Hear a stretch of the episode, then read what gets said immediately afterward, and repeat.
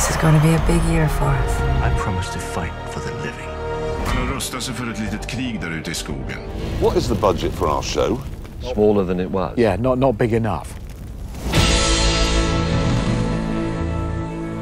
Hej och hjärtligt varmt välkomna igen till Streamingpodden avsnitt nummer fem. Jag förstår att ni har längtat men det har tagit en stund sedan vi var i NRB. Sen har det varit lite sjukdom och sen påsk. Men nu är vi äntligen tillbaka.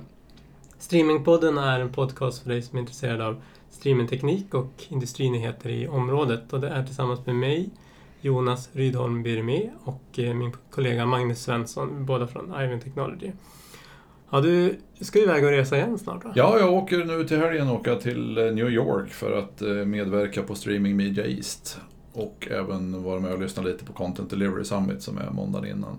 Och vad är Streaming Media East? Streaming Media? East är en av de större konferenserna i, för streaming i eh, världen skulle jag säga. Det finns, eh, samma arrangör kör även Streaming Media West i Kalifornien på hösten och Streaming Media East, eh, East i New York på våren. Så Mm. det är en två dagars konferens med bransch, branschfolk och fullt med presentationer och jag tror det är fem eller sex olika spår med presentationer. Okej. Och även en liten utställningsdel. Så att jag kommer faktiskt vara med och prata i en av paneldiskussionerna runt eh, Service Area Insertion på onsdagen.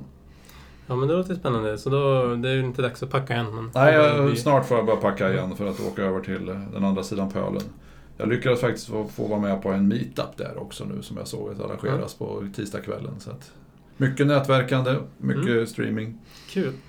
Ehm, idag ska vi prata om eh, lite olika saker, men bland annat så ska vi prata om eh, Spotifys uteblivna TV-satsning. Ehm, vi ska prata om Hulu och Disney. Eh, mer om det. Och sen ska vi prata om en, ja, vad ska jag säga, en congestion control algoritm som heter BBR. Eh, och vad det är för något. Och sen några nyheter om att Tektronix och Telestream går ihop. Vad är det för företag? Eh, men det är agendan för idag i alla fall. Mm.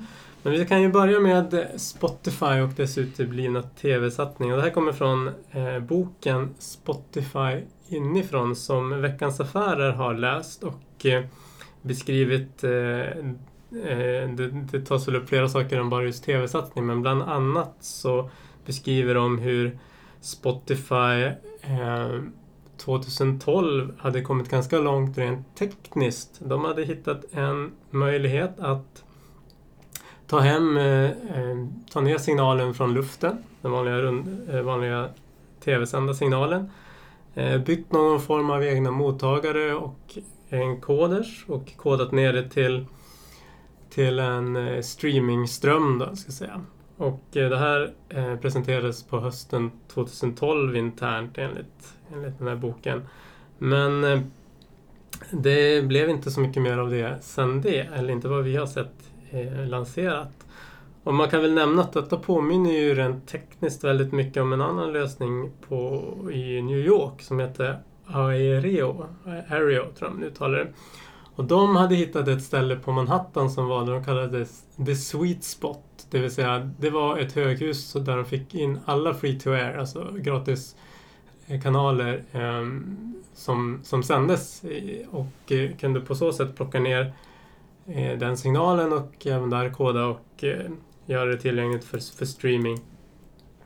Det som väl kanske är eh, liknande i båda fallen här, att man har började med teknologin och hittade ett sätt att egentligen, eh, utan att behöva inblanda i Sveriges fall då Terracom eller en annan tredjepart där, så kunde man själva eh, ta ner signalen och, och göra den tillgänglig för streaming. Eh, men man hade inte kanske eh, börjat med att prata med de som ägde innehållet till de här kanalerna. Ehm, och eh, i Areo-fallet så de, de eh, för att lite grann komma runt kravet på de här distributionsrättigheterna så argumenterade de då för att deras eh, antenner, eller de här mottagarna, var egentligen bara en slags förlängning av en eh, antenn som du hade hemma. Så att deras tjänst var att du har din antenn i molnet eller som en tjänst. Och på så sätt så menar de att ja, men då, det är ju, de kan ju plocka ner de här signalerna hemma, då kan man lika gärna göra det här. Det de dock erbjöd i tillägg till det som är möjligt med streaming, det är att de kunde göra timeshiftet, man kunde göra eh, titta på senare eh, och sådana där saker. Det gick väl inte riktigt helt hem där. De blev stämda av, jag minns inte exakt vilka rättighetsägare, men, men det, de fick helt enkelt season desist så att säga. De fick, de fick helt enkelt lov att lägga ner det. Eh, och eh, det blev väl aldrig så långt med Spotify att man lanserade någonting och sen fick backa. Men eh, grundproblemet är ju egentligen, eller grundproblemet, men det, man, det som är gemensamt är att man hade inte med innehållsägarna eller kanalbolagen på, på, köp, eller på spåret helt enkelt. Nej, det är, det är många initiativ i samma område. Det är faktiskt en pågående initiativ, men jag tror, om jag har förstått det rätt, att eh, de till och med använder exakt samma byggnad i New York som heter Lowcast. Som bygger nu och har startat upp en exakt likadan tjänst egentligen. Och de finns nu faktiskt i nio länder, eller nio städer i USA såg jag med samma koncept. Att de plockar ner kanalerna och eh, distribuerar dem via streaming. Skillnaden på low cost nu och vad de håller på att prova i rätten är att low cost inte debiterar. Low cost säger att det är en gratistjänst och ska då enligt vad, vad eh, grundaren där har kommit fram till att han ska kunna komma undan eh, licensavgifterna från, från kanalbolagen. Men att han istället tar in donations. Mm. Så man kan donera till honom frivilligt för att han ska kunna fortsätta. Och han har vad jag förstått fått in en hel del donationer. Frågan är hur länge den businessmodellen håller och frågan om man klarar sig i rätten. Men försöken är identiska i alla fall. Ja, det som blir väl också intressant där det är ju hur man mäter reklamen för de tittningarna mm. och eh, de har väl eh, och, hela sådana där problematiker. Och sen så, vi har ju också då också 2012 var det väl annonserades eh, en, en tv-tjänst här som heter Magin, om ni kommer ihåg. Um, de hade ju faktiskt med sig TV4, i alla fall initialt, eh, deras kanaler. Och, eh, så de hade, ju, och de hade ju faktiskt en överenskommelse. Men jag gissar, utan att veta exakt, att eh, när det då kom till att faktiskt förhandla om vad det skulle kosta de här distributionsrättigheterna, då kanske den prislappen blev för dyr, tyckte Magin. Och man valde att inte ha med TV4. Och, jag menar, det har ju varit... Jag tror att man är naiv i... Eller det är lätt att man fokusera på tekniken och säga okej, okay, det här är möjligt. Mm. Men om man ska vara krass, alltså det man gör i det här fallet, det har inte varit så, stor, så, så annorlunda mot en vanlig tv-operatörs tjänst. Eh, eh, och de behöver ju betala ganska dyra rättigheter, mm. Distributionsrättigheter för att ha kanalerna i sitt kanalutbud, kanalutbud om det är via satellit eller IPTV eller vilket distributionssätt som det är. Så modellen i sig var ju den var ju inte ny, det var ingen disruptor i sig utan det var ju bara att tekniken gjorde det möjligt att, att eh, titta på det i din padda i princip. Mm. Eh, och sen när kanalbolagen själva såklart också vill gå OTT, eller vad man kallar det, så, så fanns ju såklart insåg de att det finns ett värde i innehållet och det är klart att ingenting av de här sakerna kommer gratis. Eh, men om vi då tittar på Eh, det, det ploppar ju ändå upp nya online-distributionstjänster måste man ju säga. Till exempel, vi pratade här inte för så länge sedan om Apples mm. tjänst. Eh, vad, vad kommer det vara annorlunda, tror vi? Jag vet inte om ärligt talat om, om Apple kommer lyckas så mycket som de har tänkt. Så de kommer ju debitera per, per kanal så att säga. Så de kommer ju betala licenserna till kanalbolagen och, mm. och rättighetsägarna och i sin tur ta ut dem på abonnenten. Vilket innebär att eh, de försöker ju egentligen bara bundla och genom att bundla kunna komma ner i lägre priser. Och att de är, har sitt reach på Apple. Mm. Och, men det finns ju initiativ som faktiskt lyckas med det här och jag, jag läste precis nu på morgonen om Satu som, som faktiskt tog över Magins kanaler i Tyskland. Mm. De har ju nu två miljoner abonnenter på sin motsvarande tjänst. Mm. Men samma där, de, de har insett värdet av att eh, köpa in rättigheterna och distribuera dem vidare. Det är den här diskussionen som pågår ganska mycket nu vad det gäller framförallt i USA vad de kallar skinny bundles. Att man, mm. man bundlar ett mindre paket kanaler och eh, försöker på det sättet eh, vara billigare än de stora kabel-tv-bundles som ligger på 40-50 dollar i månaden upp till 100 dollar. Men i slut, slutändan så är det ju licenspengarna som, som kanalbolagen eller rättighetsägarna vill ha som sätter prislappen. Så att jag, jag tror inte det finns några silver bullets här bara för man distribuerar det via internet istället Nej. för kabel och satellit. Men Apple de planerar ju också att göra eget innehåll. Ja. Som, eh, och då är man ju eh, då, har du, då är du lite mindre beroende av att bara vara en, Mm. en, en distributör, så att säga. Ja, för då har du helt plötsligt någonting som lockar in, lockar in abonnenten och inte bara att det är samma kanaler som du kan få via Mm. andra sätt. Utan du har ett, ett, ett paketerbjudande där med eget innehåll blandat med, med eh, relayade kanaler så att säga. Mm. Men jag är inte helt övertygad om att Apple kommer lyckas. Och vi ser ju många försök runt om i världen med, med TV-distributörerna som försöker vara aggregatorn. Mm. Och eh, i slutändan handlar det ju om att hur, hur rättighetsbilden ser ut från, från contentägarna och är den tillräckligt attraktiv så att de ser att de får ett ytterligare nå ut med sitt, med, sin, med sitt content så kanske det någon gång kommer lyckas. Mm.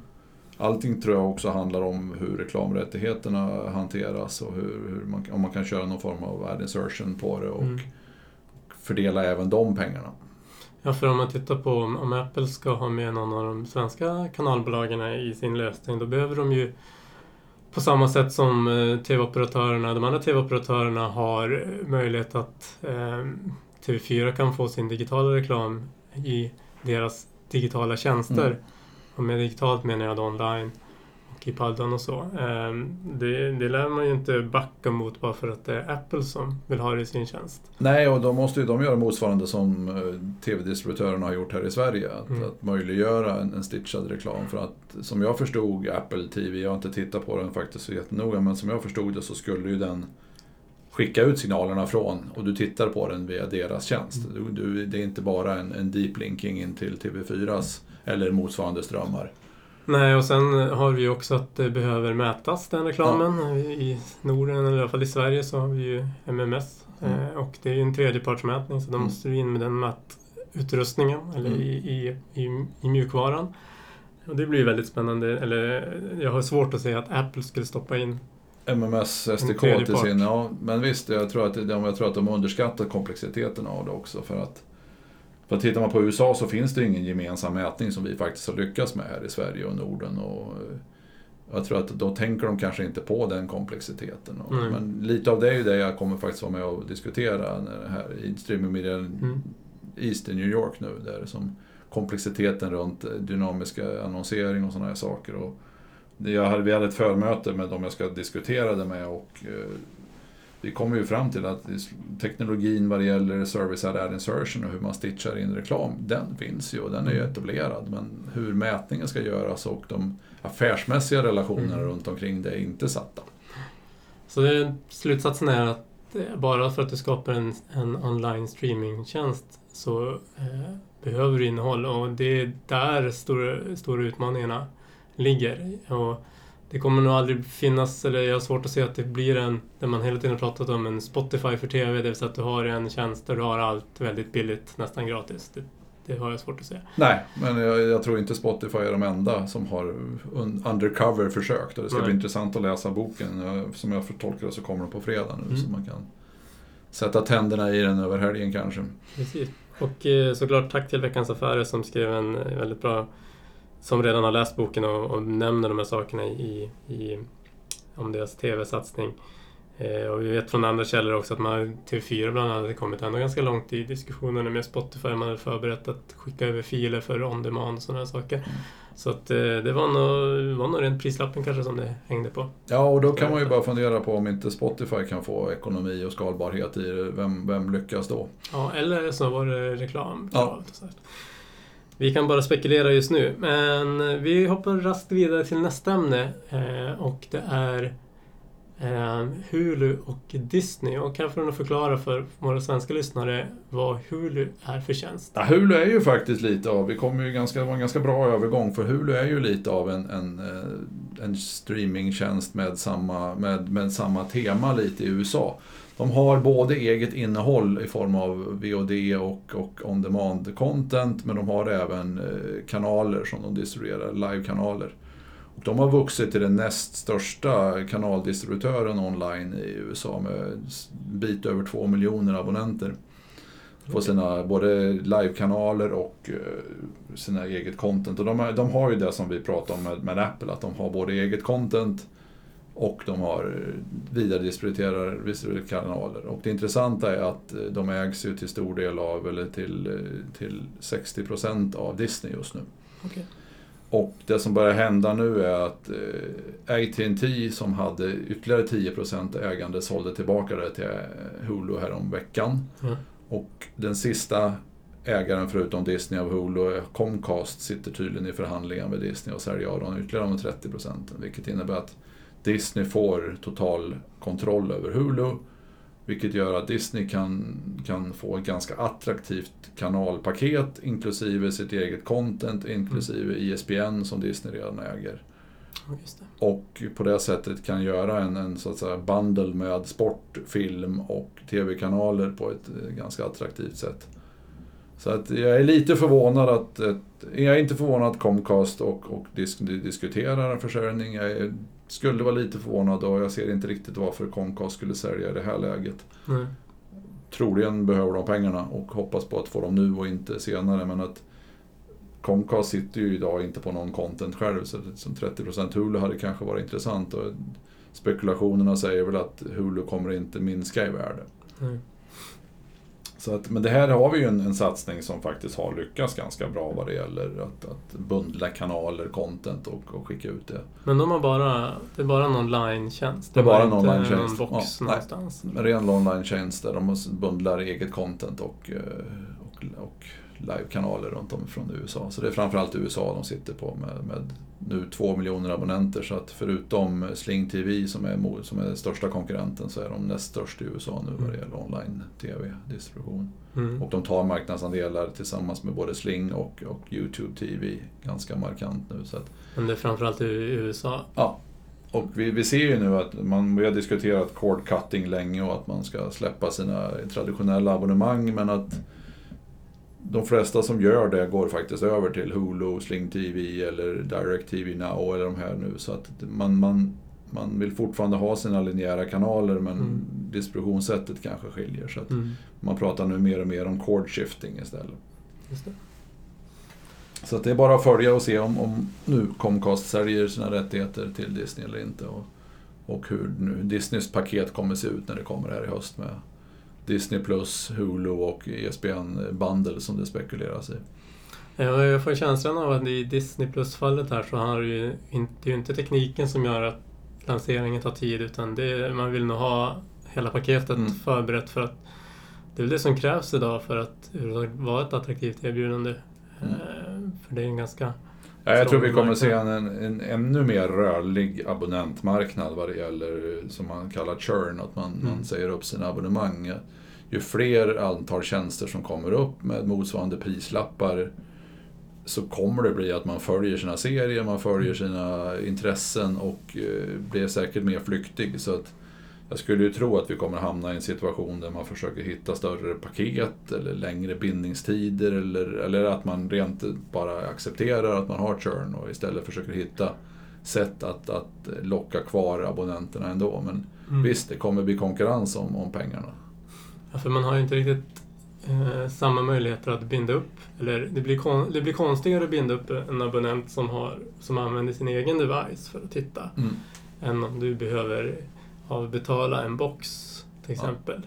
Ehm, då det är mer naturligt att du kanske har 12 månaders abonnemang om du också då behöver installera en box hemma hos dig. Och, som Ja, du, det- som det du i, en- i praktiken betalar av i, i det fallet. Det är, det är en spännande marknad vi går emot med massa småtjänster som är enkelt som du säger att, att stänga av och sätta på. Mm. Du kan starta en streamingtjänst på, en, på en, över bara några minuter genom att fylla i kreditkort och sen är du igång. Mm. Och du kan lika snabbt stänga av det med olika bindningstider. Så att jag tror ju att vi kommer se någon form av bundling av både abonnemang av olika slag och det kan ju vara crossmedia så att man kan, som, som idag redan finns i USA, att du kan få Spotify och Hulu i samma paket. Mm. Och, och jag tror att vi kommer se flera av sådana saker, att du, du på det sättet binder dig till en lite större paket. Mm.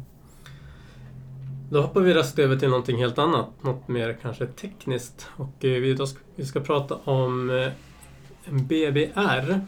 Eh, och BVR är en algoritm, kanske man ska säga, Ehm, för hantering av, eh, eller för att undvika trafikstockning kan man säga, ehm, inom ehm, protokollet TCP. Det finns ungefär, jag räknade här precis innan, tror jag, ungefär 23 algoritmer eh, för att undvika trafikstockning i näten och där Tahoe och Reno är väl kanske de som är mest kända. Kom med operativsystemet BSD ganska länge sedan. Eh, och eh, BBR det alltså, står för Bottleneck Bandwidth and Round Trip Propagation Time. Och eh, det är, det är en, en ytterligare sån här algoritm helt enkelt. Eh, man kan väl, om man ska försöka dra någon liknelse, men eh, Essingeleden har ju många stockholmare suttit på och eh, det är ju en begränsad antal filer och det ryms ett begränsat antal bilar och det kan man väl säga att det här är lite grann algoritmer för, för sändaren att kunna justera så att det blir inte överbelastat i själva nätet. Om du har flera sändare så, så man kan jämföra med att man väljer kanske att åka en annan tid på morgonen eh, för att undvika att det blir att du hamnar i de här bilköerna. Eh, och eh, vägtullar kan ju vara ett annan algoritm för det hela så att säga. Eller priority lanes som de har i vissa ställen i USA. Där Ja. Om du samåker så kan du få åka i en egen fil och du kan ha pri- prioriteringsfiler och sådana saker. Så att Essingeleden är en ganska bra liknelse där Mm. vi stockar sig i olika ställen. Alltså det handlar helt enkelt om att, eh, att ha vägar för att kunna hantera den begränsningen som, som finns i, i nätet. Och eh, som sagt, den här Bottleneck Bandwidth and Run Tree Propagation Time algoritmen, den är framtagen av Google eh, 2016 tror jag det var. Och eh, den finns numera med i allra nyaste Linux-kärnan eh, som tillsammans med 12 andra algoritmer. Och ehm, det här är väl lite grann som det man brukar ibland raljera- raljera omkring standarder. Låt oss, vi har så många standarder så låt oss enas om en och så har vi ytterligare en standard. Mm. Lite grann eh, känns det som med den här algoritmen att okej, det är en ytterligare congestion con- control-algoritm eller trafikstockningshanteringsalgoritm. Men eh, det finns ju 23 tidigare och alla har ju egentligen försökt adress- adressera samma problem. Så frågan är vad den här då eh, gör annorlunda. Mm, nu kan inte jag detaljerna här men vad jag, vad jag förstår när jag läser om den så, så verkar den vara ganska aggressiv. Och den, den, är lit, den skiljer sig lite för att den mäter inte... De flesta andra algoritmerna baserar sig på att man, man tittar på att packet loss, frekvensen av packet loss för att eh, känna igen att nu börjar det stocka sig. Mm. Den här mäter mer round trip på, på det senaste paketet och på Mm. det sättet gör en, en, en prediction på hur nätet stockar sig. Och det gör att den kanske är mer effektiv men den är också mer effektiv att den svälter ut, som jag förstår det, Mm. de övriga eh, algoritmerna som Cubic och andra. Mm.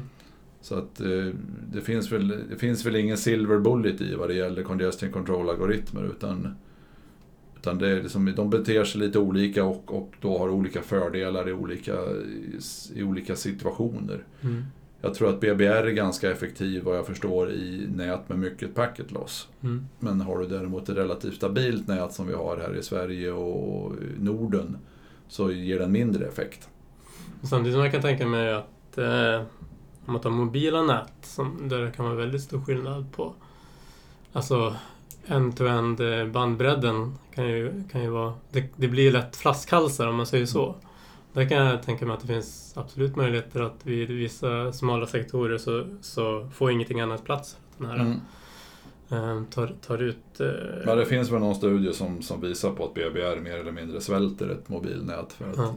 den är så pass effektiv så att den istället plockar bort all annan trafik. mm, Och, och det är ju inte heller ett, ett, någonting som en, en leverantör är intresserad av. Så att, att Google vill få igenom sin trafik, det kan jag förstå. De har ju bakat in den här, eller paketerar den med sin Quick, deras UDP-baserade just det. protokoll också. Ja, just det.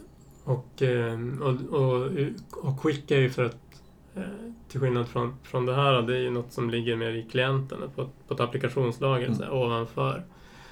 Eh, du nämnde här Cubic som en, eh, en, en algoritm som den inte fungerar så jättebra tillsammans med, och det är den som är i, i princip standard på Linux, Mac och Android. Mm. I alla fall idag. Det kan ju ändras. Men, så att de lirar väl inte fullt 100% helt ihop. Men det är klart, det ska bli spännande att se vad som händer här och eh, jag vet att vi, vi nämnde Spotify tidigare, men vi kan nämna dem igen. De har faktiskt gjort lite eh, experimenterande med just den här algoritmen och de kommer att ha ett meetup nästa vecka. va? Nästa vecka är det som de... För det, det är lite därför vi tog upp ämnet också. Vi var Mm. triggade av att läsa på lite om det. Precis, och, och de, då, på det meetupet nästa onsdag tror jag det är, eh, så ska de berätta om sina erfar erfarenheter av det. Och Mm. eh, det ska bli intressant att lyssna på. Och, eh, det kan jag rekommendera för ni som är intresserade av att, att svänga förbi där och, och, eh, och lyssna på det. Ehm, jag själv personligen kommer inte kunna gå, men vi har folk tror jag från oss som kommer att bevaka det. Så vi får återkomma kring det.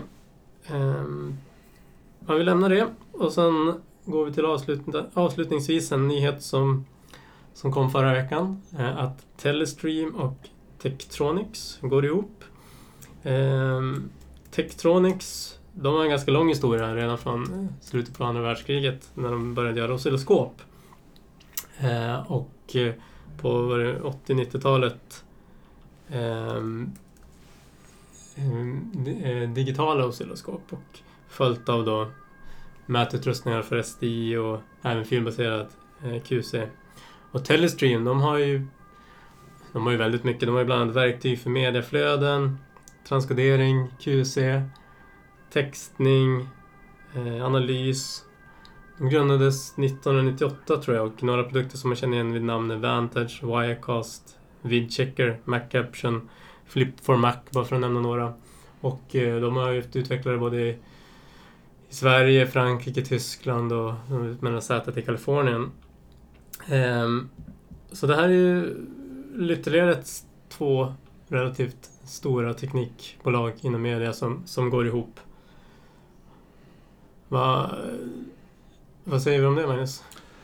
Just de här två detaljerna har jag inte satt mig in i jättenoga, men det visar ju på den trenden vi, jag tror vi har pratat om ganska länge nu, att vi ser mer och mer samarbeten, partnerskap och uppköp i den här branschen. Att man, man bygger sig större, värde, större del av värdekedjan. Och Mm. jag kan tänka mig att Telestream är ute efter mätutrustning och, och monitorering och de här bitarna här. Och istället för att utveckla det själva så är det billigare, enklare att, att gå ihop då med eh, med en partner, Textronics i det här fallet, Mm. istället för att... Ja, de har ju några överlappare, tänker jag, med, med de här filbaserade QC. Vidchecker från Telestream och sen eh, Tektronix. Eh, Mm. eh, nu kommer jag inte ihåg vad den heter. Men, men, eh, så, så det finns ett överlapp och vad jag förstod så kommer ut, utvecklarna, Tektronix-utvecklarna att gå över eh, till Telestream, så att Mm. säga. Eh, Ja, det blir ju säkert ett jättebra komplement och kompetensmässigt också. Så det är ett- sätt att hitta kompetens på marknaden för att vidareutveckla andra produkter också. Mm. Så eh, jag vet inte exakt, men det finns säkert flera bakgrunder till varför det här uppköpet. Mm. Eller, jag vet inte om det är uppköp eller om det är sammanslagning. Det är en, sammanslagning, eh, som jag förstår det. Det är ju, Tektronix är ju ett dotterbolag till ett företag som heter Fort, tror jag. Nej. Ja, nu Mm. minns jag faktiskt inte. Men, men eh, så de säljer ju av sin, säljer, knoppar väl av sitt dotterbolag Mm. till, till Telestream. Ja, Fortive heter de. Fortive, ja, Mm. precis. Och eh, eh, nej, men det, det är som, som du säger, vi, in, innan NAB så hade vi Visarti och Newtech som gick ihop. De är också ganska två stora. Mm. Det är väl det som är intressant. Just, de är, det är två väldigt stora med lång historia som, som konsolideras ihop. Och, eh, vi kommer nog säkert få se fler. Ja, vi ser ju antingen det här eller har vi sett stora partnerskap. Vi pratade om det i förra podden när vi hade Akamai och, Mm. och Azure i, i partnerskap. Nu var inte det ett uppköp eller någonting i sammanslagning men vi ser mer av det här både konsolidering och, och sammanslagning på marknaden. Mm. Det här är ett jättelysande exempel där två närliggande företag bygger en större del av kakan tillsammans. Om jag tänkte, Telestream har ju, har ju väldigt mycket kunder inom, inom, inom broadcast framförallt. Ja. Och Tektronix lär väl ha det, men också andra områden. För Mm. det digitala oscilloskop används ju i andra Ja, branscher än bara media. Eh, kanske framförallt andra branscher. Ja, det är en intressant sammanslagning och jag tror att vi som sagt var, jag skulle inte förvåna mig redan den här veckan ser vi nästa variant Mm. komma på, på nyhetsflödet. Det är nästan så vi ska ha en inslag i vår podd där vi spekulerar, eh, bettar på vad nästa merger blir. Vi får Ja. fundera på det tills nästa Faktiskt. podcast. Eh, se hur... Det kan vara en utmaning för oss två. Ja, Ehm, ja, jag, jag tror det kommer hända någonting vad det gäller framförallt eh, cloud encoding och sådana bitar. Mm. Det finns väldigt många cloud encoder varianter så att där, där tror jag inte att alla kommer överleva på, i nuvarande form. Mm, kanske någon av våra lyssnare har, har en idé eller tanke kring vilka nästa, nästa stora ihopslagning blir. Får gärna skicka det till oss. På, vi finns på Twitter under kontot Ivin Technology. Ni kan söka fram det där. Så har ni någon idé? Ni, vi kan betta tillsammans här i nästa podd. Vi, vi, vi satsar på... Vi gissar vad blir nästa stora ihopslagning. Det får bli för nästa Mm. podcast. Mm. Ehm, Så vi tar gärna emot eh, era bett. Och eh, får vi se vem som får rätt i slutändan. Eh, Det finns säkert alltid någon som vet men inte får säga någonstans. Ja, då blir man misstänksam. Det någon som gissar alldeles för rätt så... Ja. Bra, nej men eh, det är väl dags att börja avrunda då. Eh, och eh, vi får väl återkomma med ett nytt avsnitt här sen när du har kommit tillbaka från, eh, från New York. Mm. Eh, Ja, med lite färsk information därifrån sen. Mm. Så det blir väldigt spännande och eh, sen börjar det ju bli sommar. Men vi får väl se. Några avsnitt till ska vi hinna med innan vi. Tar sommarsemester. Och eh, har ni idéer, tankar eller feedback på eh, ämnen eller eh, saker som ni vill att vi ska ta upp och gå igenom lite mer djupare så berätta gärna för oss via vår Twitter. Och eh, med det vill jag avslutningsvis säga stort tack till ni som lyssnar och följer oss. Eh, det är jätteroligt att det finns ett intresse för det här området och eh, vi tycker det är jättekul att, att producera den här podcasten. På återhörande, som man säger. Hej då! Hejdå! Ni har lyssnat på Streamingpodden. En podcast för dig som är intresserad av streamingteknik och nyheter i området. Programmet produceras av Ivin Technology, leverantörsoberoende specialister inom videoteknik och mediedistribution.